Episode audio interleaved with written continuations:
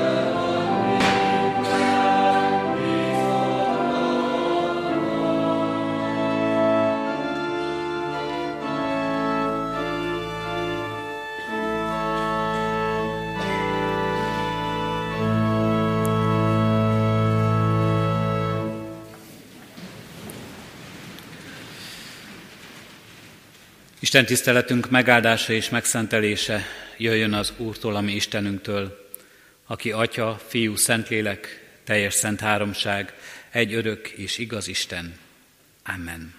Hallgassátok meg testvéreim Isten igéjét, amint szól hozzánk a Máté evangéliumának 21. részéből, a 33-tól a 44. terjedő ige szakaszból. Az igét nyitott szívvel hallgassa meg a gyülekezet. Hallgassatok meg egy másik példázatot. Volt egy gazda, aki szőlőt ültetett. Kerítéssel vette körül, borsajtót készített és őrtornyot épített, aztán bérbe adta szőlőmunkásoknak, és idegenbe távozott. Amikor eljött a szüret ideje, elküldte szolgáit a munkásokhoz, hogy vegyék át a neki járó termést. A munkások megfogták szolgáit, és volt, akit megvertek, volt, akit megöltek, és volt, akit megköveztek. Ekkor újabb szolgákat küldött, többet, mint először, de ugyanígy bántak azokkal is. Utoljára pedig fiát küldte el hozzájuk, mert úgy gondolta, a fiamat meg fogják becsülni. De amikor a munkások meglátták a fiát, így szóltak egymás között. Ez az örökös, gyertek, öljük meg, hogy milyen legyen az örökség. Majd megragadták, kidobták a szőlőn kívülre és megölték. Amikor megjön a szőlő ura, vajon mit tesz ezekkel a munkásokkal? Ezt felelték neki. Rosszért rosszal fizetve elpusztítja őket, a szőlőt pedig más munkásoknak adja ki, akik megadják neki a termést a maga idejében. Megkérdezte tőlük Jézus, soha sem olvastátok az írásokban? A kő, amelyet az építők megvetettek, az lett a sarokkő. Az Úrtól lett ez, és csodálatos a mi szemünkben. Ezért mondom nektek, hogy elvétetik tőletek az Isten országa, és olyan népnek adatik, amely megtermi annak gyümölcseit. És aki erre a kőre esik, összezúzza magát, akire pedig ez a kő rá, azt szétmorzsolja. Isten áldja meg életünket, hogy lehessünk igényének megértői és szívük befogadói. Amen. Drága testvérek, gyertek könyörögjünk, kérjük az Urat. Urunk, mennyire és atyánk, szeretnénk dicsérni és magasztani téged azért, mert van lehetőségünk megszólítani téged. Gyönyörűséges az a pillanat, amikor újból és újból felemelhetjük szavunkat, és te figyelsz ránk. Most azért könyörgünk, hogy nyisd meg a szívünket, törzsbe a te szent lelkeddel, hogy az elhangzó igehirdetés az valóban a szívünk ígérjen, betöltsön bennünket, hadd munkálkodjon bennünk, könyörgünk azért, hogy ez az óra hadd legyen üdvösségünkre. Hadd értsük meg a Te szavadat, és hadd kezdjünk el a szerint cselekedni. Kérünk, Urunk, az ige szólójáért is, te meg az ő ajkait, áld meg az ő ige hirdetését is. Köszönjük, Urunk, hogy Te figyelsz ránk ebben a pillanatban is. Fiadét Jézusét kérünk, hallgass meg. Amen. Amen. Kedves testvéreim, Istennek az az igéje, amelyet az ő lelkes segítségül hívásával hirdetni kívánok közöttetek. Olvasható és írva van a már felolvasott ige szakaszban, Máté evangéliumának 21. részében, a 42. versben eképpen. Az a kő, amelyet az építők megvetettek, az lett a sarokkő. Az Úrtól lett ez, és csodálatos a mi szemünkben. Eddig az írott ige.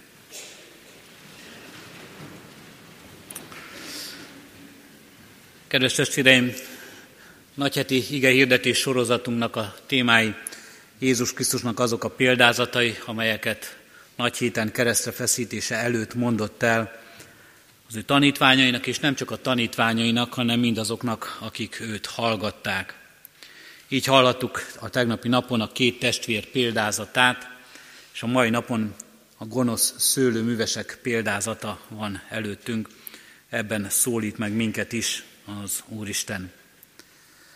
A példázat arról tanít minket, hogy hogyan látja Isten az ő választottait, hogyan látja az ő szövetséges társainak az életét. A példázat nem csak tanítás és példázatban szól hozzánk, hanem ebben a példázatban van profécia is. Arról, hogy mi történik majd a fiúval, előre szól Jézus Krisztus, mi vár rá, amikor arról beszél a példázaton keresztül, hogy majd megjön az örökös, a gazdának a fia, és őt kivetik a szőlőn kívülre és megölik. És arról is profétál ebben a példázatban, ebben ezen a példázaton keresztül tanít Jézus Krisztus, hogy mi lesz majd azokkal, akik ezt a szövetséget, azt a szolgálatot, amelyre Isten hívja az övét, amelybe ő állítja őket, nem tudják Isten akarata szerint és elvárása szerint teljesíteni. Ezt olvassuk, azt mondja Jézus, ezért mondom nektek, hogy elvétetik tőletek az Isten országa, és olyan népnek adatik, amely megtermi annak gyümölcsét.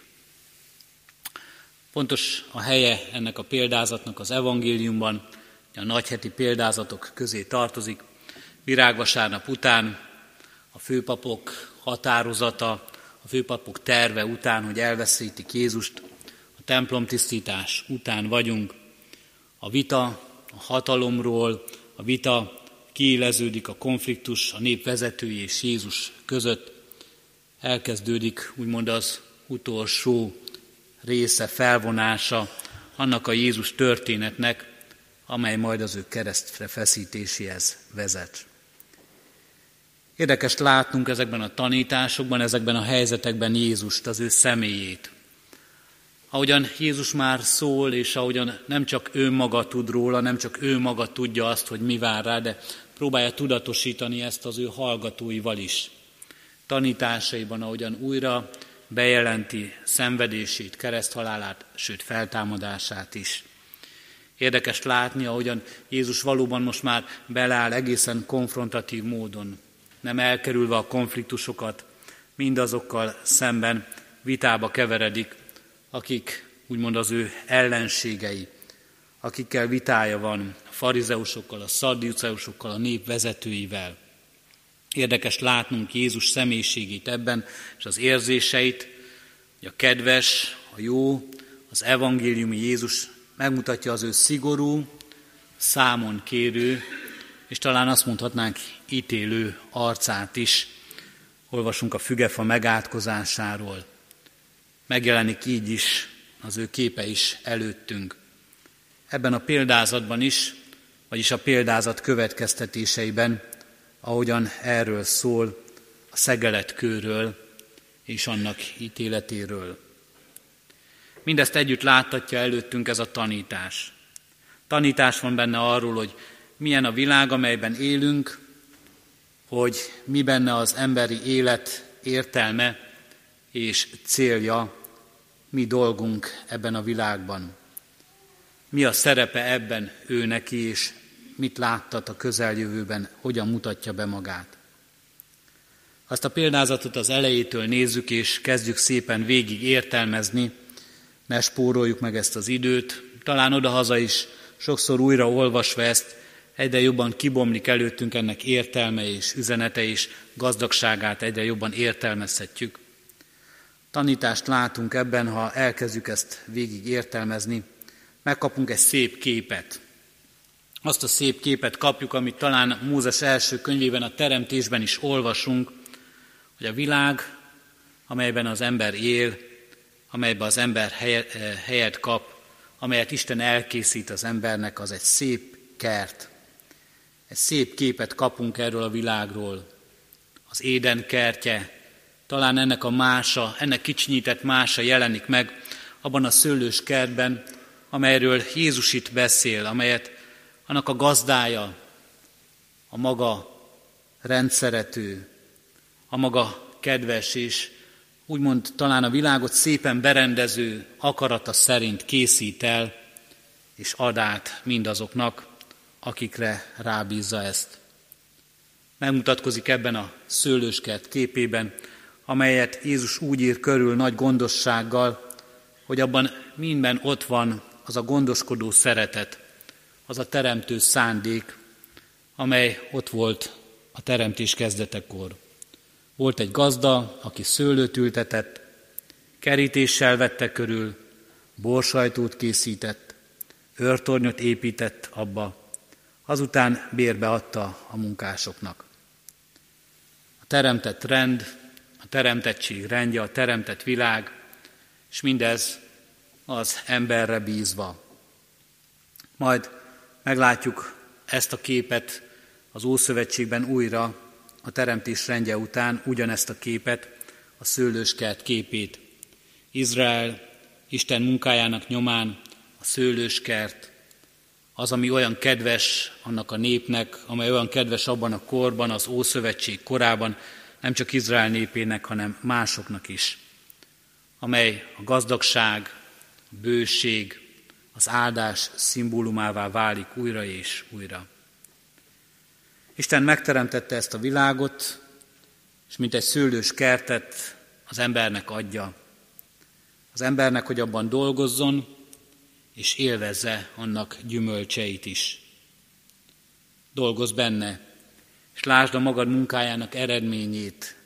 Ezzel bocsátja útjára Isten az embert a teremtésben, és itt ebben a példázatban a gazda így adja át ezt mindazoknak, akik ezt megkapják tőle. Így erről beszél a teremtés, hogy művelje és őrizze azt az ember, így adja át Isten a teremtett világot az embernek. Őrizze és művelje. Tegye bele mindazt, amit még ő hozzátehet, a maga tehetsége, a maga munkája, a maga ereje szerint, amelyre Isten hívja. De az alap, amelyet kap az ember, az mégiscsak a magas csodájában, tökéletességében, abban, ahogyan készen van, ahogyan így kapja az ember, az Isten ajándéka és az Isten munkája. Isten átadja az embernek, hogy éljen a javaiból, és átadja, hogy élvezze is azt. Nagyon fontos. Lényeges, hogy a szőlős gazda csak egy részét kéri majd ennek a termésnek. Nem azt mondja, hogy tiétek ez a szőlős kert, tiétek a verejték, a munka, de enyém a termés teljesen. Ez abszolút félreértése volna ennek a történetnek is, és a világunknak is, amelyben élünk. Isten azt mondja, Jézus Krisztus azt mondja a példázatban, a neki járó részt kéri ez a gazda ebből a kertből. De az embernek is megadatik, hogy élvezze annak gyümölcseit, hogy élhessen ebben a kertben, hogy élhessünk ebben a teremtett világban boldogan, hogy boldoguljunk abban, hogy élvezhessük mi is a kezünk munkájának gyümölcsét, a teremtett világ Isten minden ajándékának gyümölcsét. Másrészt ebben a történetben és a teremtés történetében is arról is szól az ige hozzánk, hogy ez a történet arról szól, hogy ebben a világban nekünk embereknek dolgunk van, feladatunk van, küldetésünk van, munkánk van. Egyrészt Isten azt üzeni, ne féljünk attól, hogy nem lesz mit tennünk a világban, hogy semmit tevők leszünk. Vagy ahogyan sokszor a gyerekek megkérdezik tőlünk a hittanórán, mit csinált Ádám és Éva, amikor ott a teremtés rendje szerint az éden kertjében voltak, egész nap biztos unatkoztak. Semmit sem kellett csinálniuk, minden készen volt. Bizonyára nem volt feladatuk, és talán az unalom vezette őket el oda, hogy a kíváncsiság a bűnbe vitte őket, mert semmit tevés volt a bűn meleg ágya az életükben. Sem Ádámnál és Évánál, vagyis a teremtés rendje szerint az embernek nem kell attól félnie, hogy az Isten munka nélkül hagyja őt, feladat nélkül, felelősség nélkül. És nem kell itt a példázatban sem úgy látnunk ezeket az embereket. A maguk munkája, feladata, kinek, kinek a mértéke szerint megadatik az Istentől. Nekünk is, a mi életünkben is. Isten nem hagy minket feladat, Isten nem hagy minket küldetés, Isten nem hagy minket felelősség nélkül. Ha ezt gondoljuk az életünkre nézve, ha így látjuk magunkat, akkor még nem, nem ismerjük az Istent. Nem ismerjük az Istennek akaratát, és velünk való kapcsolatát igazán. Ezért hát nagyon fontos, hogy keressük ezt a munkát, hogy találjuk meg az életünknek ezt a hivatását. Miért, mire, kik közé, milyen feladattal, milyen céllal adott minket Isten ennek a világnak, amelyben élünk. azoknak az embereknek, akik közé helyezett minket. Életünk célja és feladata Istentől jön. Ki vagyok én? Mi a feladatom és célom e világban? Ezek a nagy kérdéseink. Nagy kérdései nem csak a pályát választó fiatalnak, nem csak az ezen töprengő iskolásnak, de talán egész életünket végig kísérő, életünk szakaszaiban újra és újra megjelenő kérdések. Ki vagyok én most? Kire számíthatok, ki számít rám?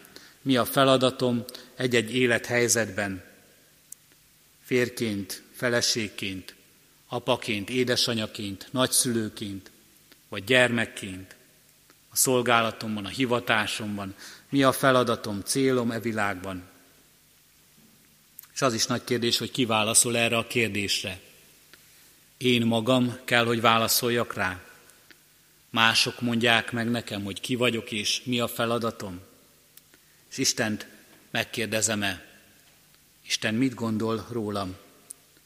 Mi a feladatom? Mi a célja velem ebben a világban, az ő teremtett világában, az ő szőlős kertjében?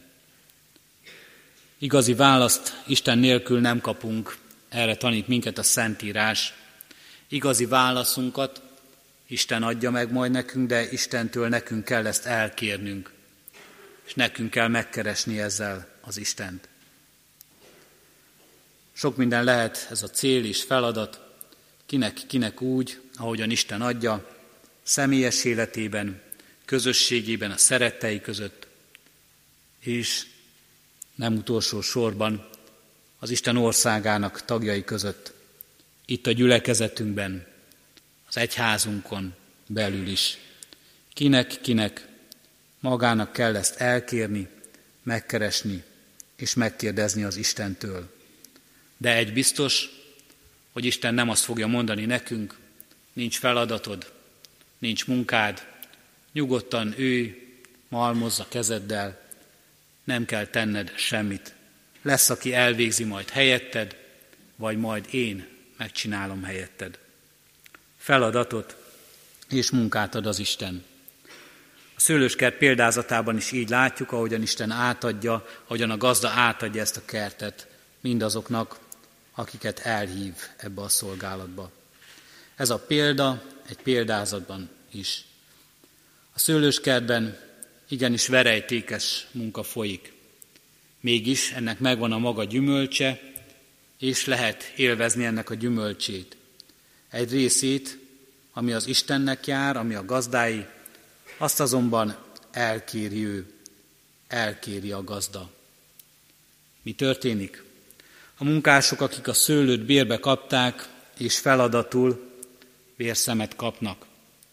Minél többet nekem, minél többet magunknak, ezt gondolják, szerezzünk, szerezzük meg, legyen a miénk, minél több, ha lehet az egész. Elfelejtették? Valószínűleg nem, mert újra és újra figyelmezteti őket a gazda, inkább nem akarnak tudomást venni arról, hogy mindaz, amiben dolgoznak, az nem az övék. Abban ők csak béresek ott ők csak szolgák. Nem akarnak tudomást venni arról, hogy nem az övék, és tartoznak azzal, hogy odaadják, hogy visszaadják, hogy átadják a gyümölcsnek azt a részét, ami illeti a gazdát. Azt gondolják, hogy minden nekik jár. Ők akarják élvezni ennek minden hasznát, minden gyümölcsét. Ők akarnak örülni ennek, sem a hasznot, sem a gyümölcsöt, sem az örömöt nem akarják megosztani azzal, aki mindezért a legelején is fáradozott, aki az egész szőlős kertet megépítette, létrehozta, megteremtette a semmiből. Mi az Isten része? A példázat alapján, az Isten teremtett világának rendje alapján. A munka gyümölcse, az öröm, és mindaz, ami megtermett, annak egy része őt illeti. Mindenek előtt övé a köszönet, hogy egyáltalán átadta mindazt, amiben az ember örülhet, amiben végezheti munkáját. Övi a hálaadás mindazért, hogy adott megbízást, hogy adott lehetőséget, hogy, az ember, hogy ezek az emberek itt a szőlőskertben kiteljesíthessék az életüket, hogy ők maguk is részesei lehessenek annak a gazdagságnak, annak az örömnek, amit ez a szőlős kert tud, ez a teremtett kert tud biztosítani számukra. Mindenek előtt a köszönet és a hála, és a gyümölcsökből mindaz, amit ő kér, amit ő elkér ebből. Isten ezt a hálát, Isten ezt a köszönetet ma is várja tőlünk. És Isten elkér valamit abból, amit nekünk adott.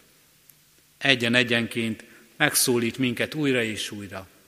Valamit visszavár, valamit elkér azokból az anyagi javakból, amelyeket birtoklunk, ami a miénk, hogy azt adjuk neki, hogy azt adjuk másoknak, akiket ő mutat meg nekünk, hogy azzal szintúgy szolgáljunk, ahogyan ő is szolgált ezzel nekünk. Isten elkér valamit azokból a lelki javakból, lelki kincsekből, amelyet kapunk tőle, hogy azzal szolgáljunk neki, dicsőítsük őt, adjunk hálát neki, vagy adjuk át azoknak, akiket ő jelöl ki az életünkben. A szolgáljunk azzal, a szeretteink, a ránk bízottak között, a gyülekezet közösségében, vagy a rászorulók között, az elesettek és a kiszolgáltatottak között.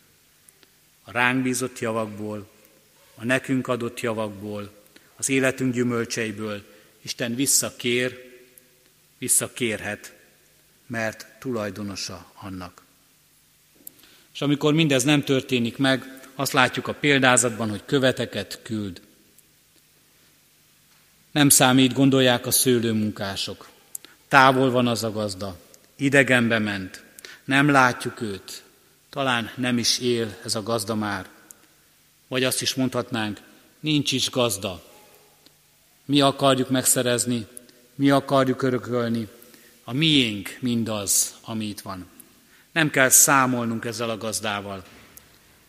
Messze van, nem ér el ide a keze, a hatalma, nincs is ez a hatalom.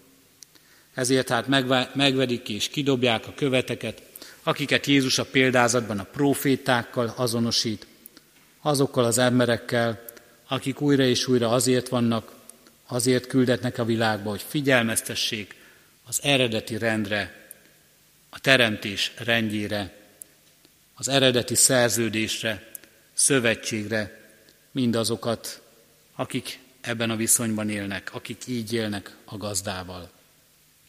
Mindazokat, akiket azért küld el Isten, hogy ennek intő jelei, példái, szószólói legyenek a világban. Mit tesz ekkor a szőlős gazda? Újabb követeket küld, és újra megismétlődik, és harmadszor is megismétlődik ugyanez. Kiket megölnek, kiket megsebesítenek, és megkérdezi a gazda, mit tegyek ezután. És így derül ki, hogy milyen kifogyhatatlan a türelem, milyen kifogyhatatlan a szeretete az emberek iránt az Istennek ebben a példázatban. Mit tegyek még, hogy ne vesszen el a szőlő, és hogy ne vesszenek el a munkások benne. Elküldöm szeretett fiamat, talán őt megbecsülik, mondja a gazda. A megdöbbentő nem csupán az, hogy a fiát küldi, hanem a számomra a példázatban megdöbbentő, hogy nem egy hadsereggel érkezik a fiú, hogy rendet tegyen.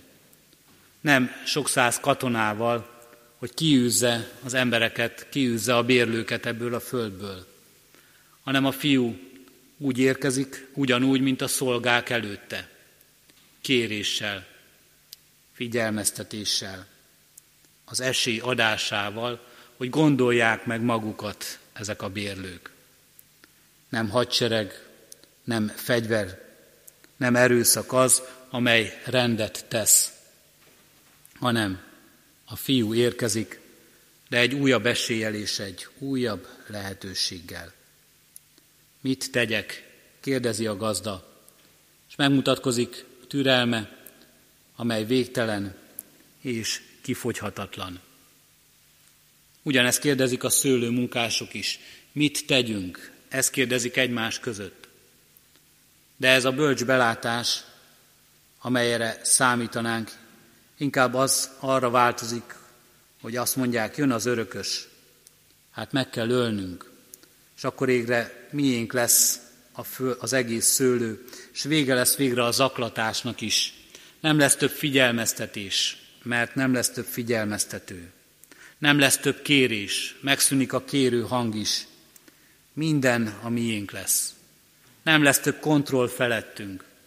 Nem lesz senki, aki megszólaltathatná a gazda hangját az életünkben. Mit tegyek, kérdezi a gazda, türelemmel és nagy szeretettel, újabb és újabb esélyadásával. Mit tegyünk, kérdezik a szőlőmunkások, és ott van bennük a gyilkos indulat, ott van bennük az önző vágy, ott van bennük az, hogy minden felett uralkodni akarunk. Micsoda ferde és téves gondolkozás. Micsoda emberi gondolkozás, mondja Jézus Krisztus ebben a történetben. Ilyenek vagytok. Azon gondolkoztok mindig, hogyan lehetne az Isten igazságát, hogyan lehetne az Isten akaratát, hogyan lehetne az Isten tervét eltávolítani az életetekből, azt megsemmisíteni, hogy azzal ne is legyen senkinek gondja, de még csak ne is zavarjon, még csak ne is bántson titeket, még csak kérdőjel, vagy felkiáltó jelként, vagy tükörként se legyen ott az életetekben. Kifogyhatatlan, határtalan az önzés, a kapzsiság, az istentelenség.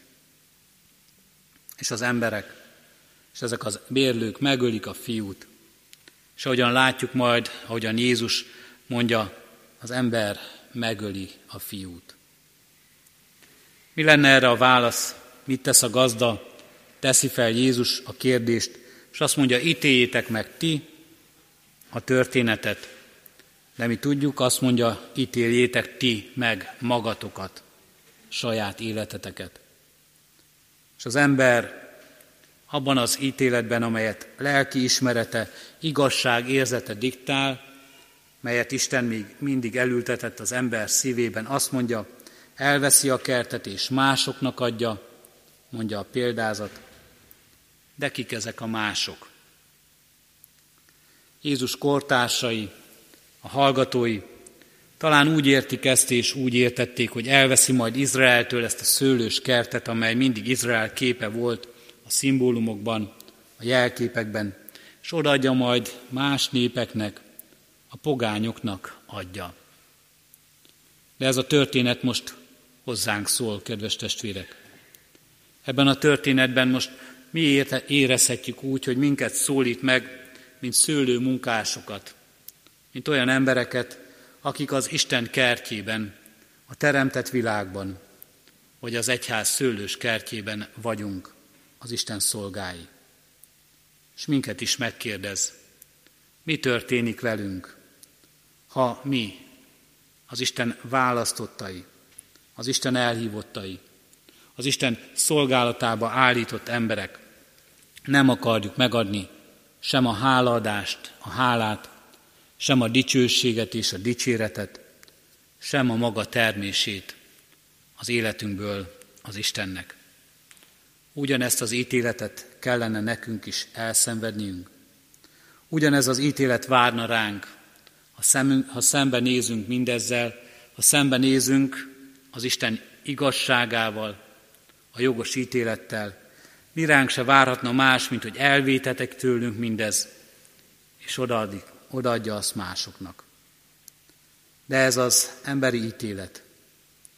Jézus Krisztus azonban azt mondja, én elhordozom még ezt is helyettetek. Én még ezt az ítéletet is magamra veszem.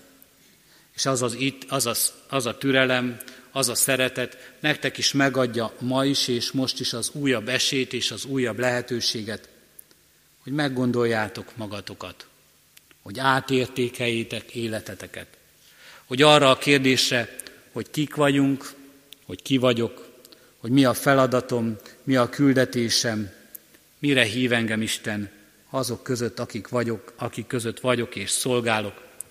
Arra megtaláljátok a jó választ, a helyes választ. A teremtés rendje szerint, az Isten elhívó, szolgálatba állító kegyelme szerint megtaláljátok, hogy szolgák, béresek vagytok az Isten szőlős kertjében, és feladatotok és küldetésetek, hogy műveljétek és őrizzétek azt, és hogy megadjátok annak termését, gyümölcsét, hálában, dicséretmondásban, köszönetben, és mindabban, amit Isten kér, megadva neki a maga akarata szerint.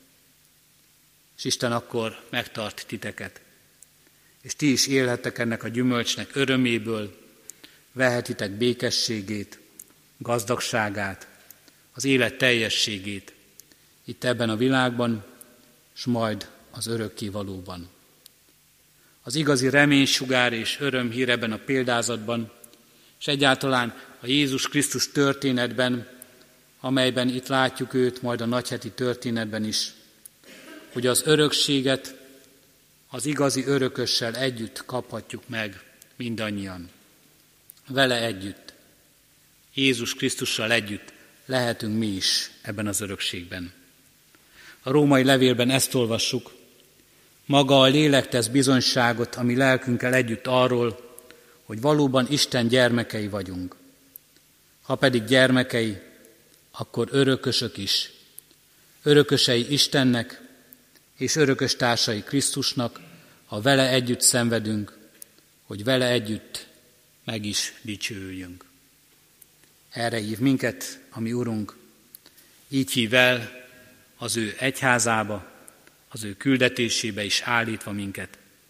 Így hív el, hogy legyünk az ő gyermekei, Krisztus követői és társai mindebben, mindabban, ahogyan ő szolgálatba állít, szolgálva itt neki, ahogyan ő beleállít majd minket az Isten országába az ő érdeméért, dicsőítve őt. Legyen áldott ezzel a szolgálattal, reménységgel életünk. Amen. Kedves testvérek, most egy bizonyságtételt hallgassunk meg Barta András testvérünktől.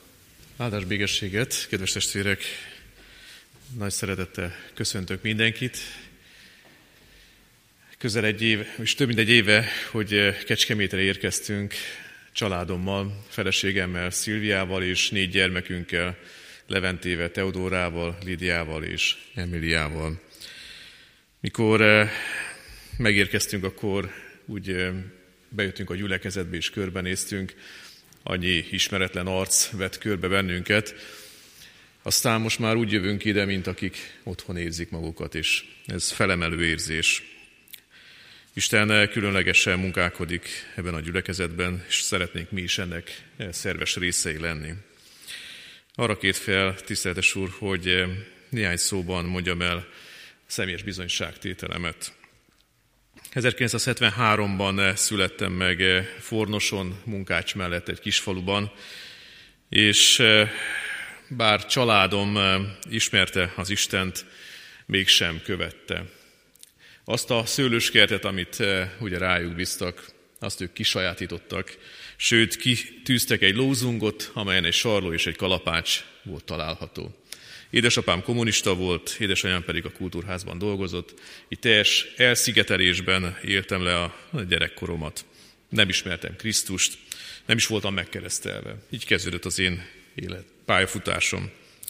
Aztán az ifjúságomat csak még inkább ennek a fényében kezdtem el élni. Én magam is ateistaként éltem az életemet, voltak barátaim, akik megtéltek, Krisztusnak adták az életüket egy-egy ifjúsági táborban, én pedig meggyőződve, meggyőződve beszéltem le őket a Krisztus követéséről, meggyőződéses ateistaként.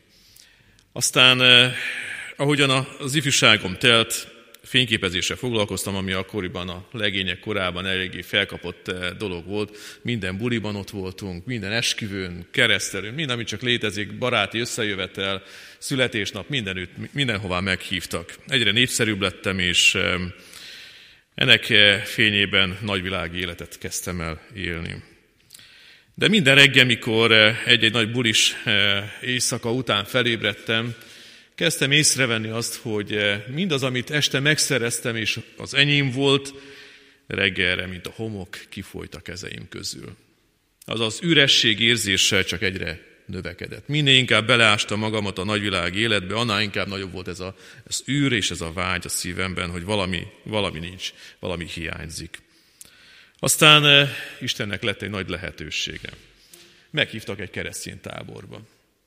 Igen, ám csak eh, hát tudtam azt, hogy milyen jó buli oda elmenni, meg mennyi eh, jó lány van ott. Első alkalommal nem tudtam elmenni, mert késő este mentem haza.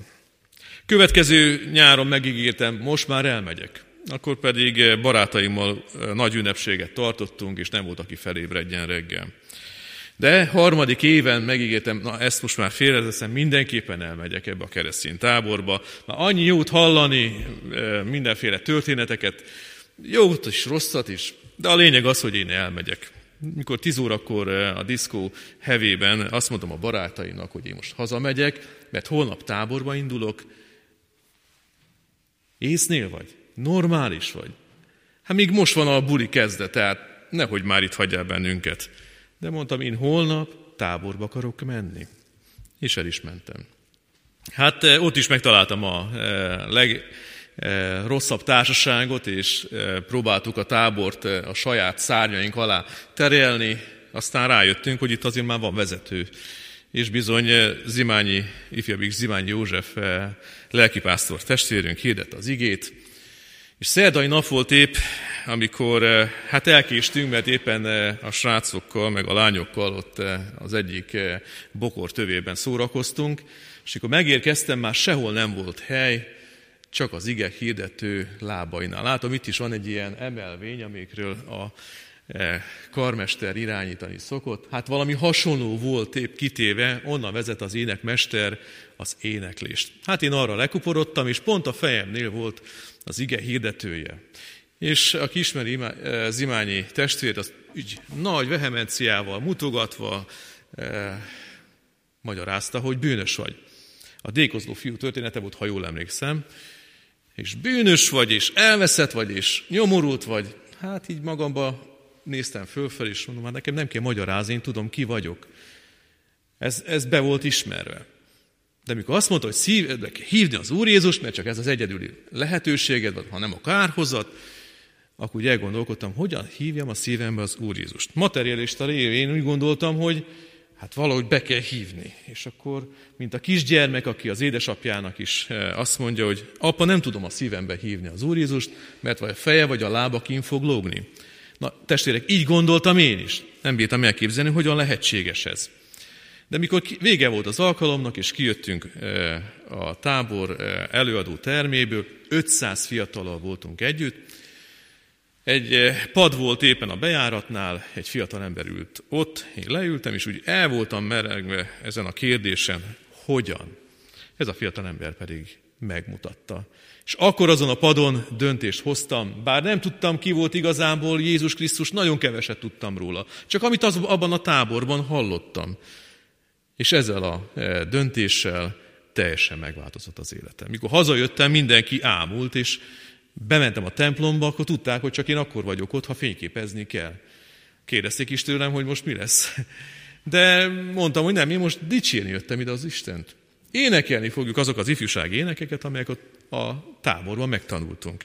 És mindenki így kétkedve nézték, szúrós szemekkel, majd meglátjuk, mi lesz egy hónap múlva, kettő múlva. És Istenből egyre többet megtudtam, megismertem, egyre inkább szomjaztam, és eh, kezdtem el minél többet olvasni, eh, igehirdetéseket, eh, kazettáról hallgatni, majd pedig elkezdtünk szolgálni. Az ifjúsági szolgálatokat vittük, kazetta misszióban részt vettünk, és majd szeptemberben úgy döntöttem, hogy elmegyek valami tanfolyamot el kéne végezni, még többet tudjak Istenről. És így kerültem el a Kárpátai Református Egyház misszióképző intézetébe egy három éves napali képzésre misszionáriusnak. Kül misszióba készült, készültek azok a fiatalok, hát úgy gondoltam, hogy én is elmegyek, és Isten elhívott erre a küldetésre. Mire befejeztük ezt a három évet, Isten egy újabb hívása a Vasárnapiskolai Szövetségbe hívott el, és attól kezdve feleségemmel együtt szolgálunk ebben a missziós szolgálatban.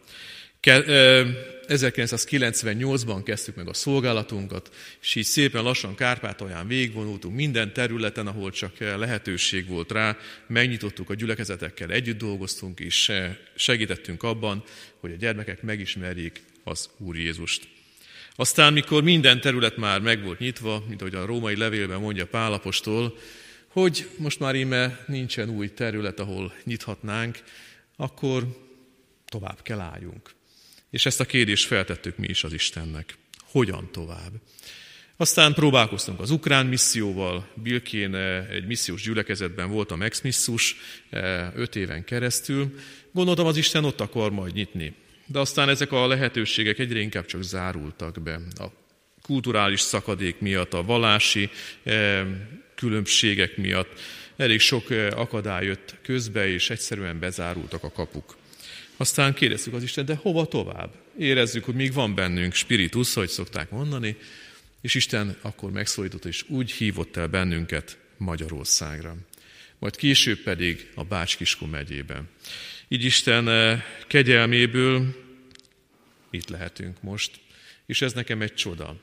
Nem csak az, hogy itt állhatok, hanem egyáltalán ismerhetem az Istent. Ez nem az én erőmből történt, nem az én dicsőségem, nem az én különlegességem, vagy a szuper képességeim, hanem az, hogy Krisztus megszólított, és engedelmeskedtem. Testvérek, ahogy a mai ige hirdetés is szólt, figyelnünk kell az ő szavára. Mert lehet, hogy el lesz véve tőlünk a szőlős gazda szerepe. Isten majd másnak adja. Aznak, aki majd hűséges lesz. Én testvérem, arra hívlak téged, hogy gondolkodj el rajta, és hogyha még nem vagy az Úr gyermeke, akkor tedd meg azt a lépést. Hívd a szívedbe. Nem fog kilógni se a lába, sem a feje. Ígérem neked. És azt biztosra tudom mondani, hogy a megváltozott életem sokkal értékesebb, és azóta az a mérhetetlen szomjúság teljesen elmúlt. És egy igeverset szeretnék felolvasni, Filippi levél, harmadik fejezet, nyolcadik verséből, Sőt, most is kárnak ítélek mindent Krisztus Jézus, az én Uram ismeretének páratlan nagyságáért. Ő érte kárba veszni hagytam, és szemétnek ítélek mindent, hogy Krisztust megnyerjem. Köszönöm szépen. Hajtsuk meg fejünket és imádkozzunk. Urunk Istenünk, köszönjük ezt a teremtett világot, minden csodálatos ajándékát, amelyet nekünk adtál, amelyet élvezhetünk. Köszönjük a közösségeket, Urunk Istenünk, a szeretteinket, akikkel gazdagítod az életünket, szeretetet kaphatunk tőlük, és szerethetjük őket. Köszönjük, Urunk Istenünk, mindazt, amit nekünk adtál személyesen, erőben, szellemi tudásban, lelki gazdagságban, mindazt, amivel építhetjük az életünket, mindazt, amivel megáldod, megáldod a mi kezünknek munkáját, mindazt, ami gazdaggá tehet minket, Urunk Istenünk, a világ megismerésében, a lélek gazdagságában. Állunk és magasztalunk, Urunk Istenünk, és dicsőítünk Téged mindezekért az ajándékokért, mert tartozunk ezzel neked, hogy megköszönjük ezt. És kérünk és könyörgünk, Urunk Istenünk, hogy mindezekből a gazdagságokból ne csak a háladás és a dicséret mondás lehessen a tiéd, hanem mindazt, amit elkérsz tőlünk.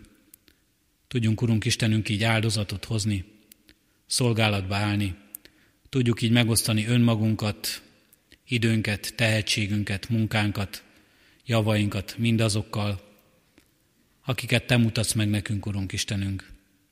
Szegényekkel, elesettekkel, kiszolgáltatottakkal, menekülőkkel, betegekkel, nyászolókkal, sírókkal. Urunk Istenünk, Te azt akarod, hogy ebben a világban, amelyet Te teremtett világod szépségét és csodáját még ma is hordozza, mindazok ellenére, ahogyan mi emberek visszaélünk mindezzel, mégiscsak növekedjen a boldogság, a békesség, az öröm, a gazdagság, és Te azt akarod, Urunk Istenünk, hogy ebben mi magunk is, a mi szolgálatunk révén kivegyük a részünket, mert ebbe a kertbe állítottál minket, mert ezt bíztad ránk. Kérünk és könyörgünk, adj nekünk engedelmes, belátó szívet és életet, hogy tudjuk mindezt megcselekedni. Köszönjük, Urunk Istenünk, hogy tart a türelmed, a szereteted, és figyelmeztetsz erre minket igében, lélek által, a belünk, belénk oltott igazságod által. Add, hogy ne ítéletet mondjunk önmagunkra, világunkra, amikor szembesítesz, szembesítesz ezzel minket és számon kérsz, hanem bölcs, engedelmes szívet találjunk, akik követőid lesz, leszünk. Végezd el, Úrunk Istenünk, ezt a csodát bennünk ma, és újíts meg ebben bennünket a hitünkben napról napra. Hallgass meg most csendes imádságunkat Krisztusért.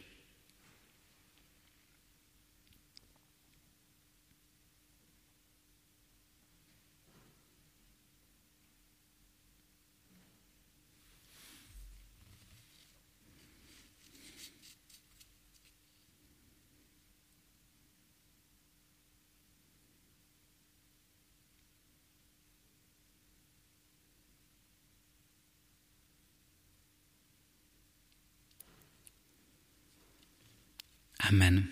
Jézustól tanult imádságunkat együtt és fennállva mondjuk el. Mi atyánk, aki a mennyekben vagy, szenteltessék meg a te neved.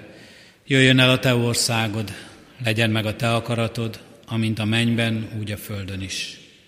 Minden napi kenyerünket add meg nékünk ma, és bocsásd meg védkeinket, miképpen mi is megbocsátunk az ellenünk védkezőknek. És ne vigy minket kísértésbe, de szabadíts meg a gonosztól, mert Tiéd az ország, a hatalom és a dicsőség mind örökké. Amen. Az Atyának szeretete, ami Úrunk Jézus Krisztusnak kegyelme, és szent lelkének közössége legyen és maradjon minnyájatokkal. Amen. Helyet foglalva a hirdetéseket hallgassuk meg. Hallgassák meg a testvérek a hirdetéseket. Szeretettel várunk mindenkit ezen a héten az esti Isten tiszteleteinkre, amelyek 18 órakor kezdődnek. Virág vasárnaptól húsvétig Jézusnak a nagy héten elmondott példázatairól hallunk egy-egy ige hirdetést. Ezek a talentumok, a királyi mennyegző, a tíz szűz, az okos és a gonosz szolga példázatai. Nagypénteken délelőtt 9 órakor is tartunk úrvacsorás istentiszteletet, Este 18 órakor pedig passiós istentiszteletre hívunk mindenkit, amelyen a gyülekezet kórusai szolgálnak, a Végmihály énekkar, a Grádics kórus, a Novum kamarazenekar, Buda Eszter, Orosz Csaba zenetanáraink. A hét ige hirdetői Varga Nándor és Kuti József parókus lelkészek lesznek, de esténként szolgálnak a belvárosi gyülekezeti csoportok is – az énekkar, a fiatal felnőttek bibliórája, a Betlehem kapuja játszóház, a kurziós bibliakör, a Kékkereszt csoport, a Cserkész csapat, valamint az ifjúsági körök és a Nőszövetség. Húsvét vasárnap az első istentisztelet reggel 7 órakor lesz a református temetőben. Itt a templomban vasárnap és hétfőn 9-kor, 11-kor és 18 órakor úrvacsorás alkalmakat tartunk. Vasárnap az esti istentiszteleten ifjúsági istentisztelet lesz. És a meg nem írt hirdetés következik. Nagyon sok szeretettel várok mindenkit szerdánként a Kecskeméti Református gyülekezetnek a babamama körébe, amit lassan 7 éve irányítgatok és vezetgetek. Én úgy gondolom, hogy egy nagyon szeretetteljes és, és meleg légkörű kis gyülekezet. Azok az anyukák, akik otthon vannak a kisbabájukkal, vagy még várják őket, vagy már a tesóapocakban van, hívogatjuk és várjuk őket szeretettel, hogy jöjjenek és legyenek együtt velünk. Általában fél tízkor gyülekezünk szerdánként, minden szerdán, itt a parókia udvarban, a Betlehem kapuja játszóházban. Tíz órától mondokázni szoktunk, tíz óraizni, és utána beszélgettünk a különböző témákról, mint a gyerekeink neveléséről, a házasságunknak az építéséről, gondozásáról, és sok olyan témáról, ami ezeket a, az anyukákat ebben az élethelyzetben érinti. Amíg mi beszélgetünk az édesanyákkal, addig nagyon kedves, szeretőszívű, melegszívű nagymamák itt is ülnek a sorokban, vigyáznak a gyerekekre, és bizony elkél a sok kisgyerek között a segítő kéz, úgyhogy ha van, aki kedvet érez nyugdíjas korosztályból, idősebb korosztályból, őket is nagy szeretettel várjuk, együtt játszani a gyerekekkel, igazi nagymamaként vagy nagypapaként. Köszönöm szépen!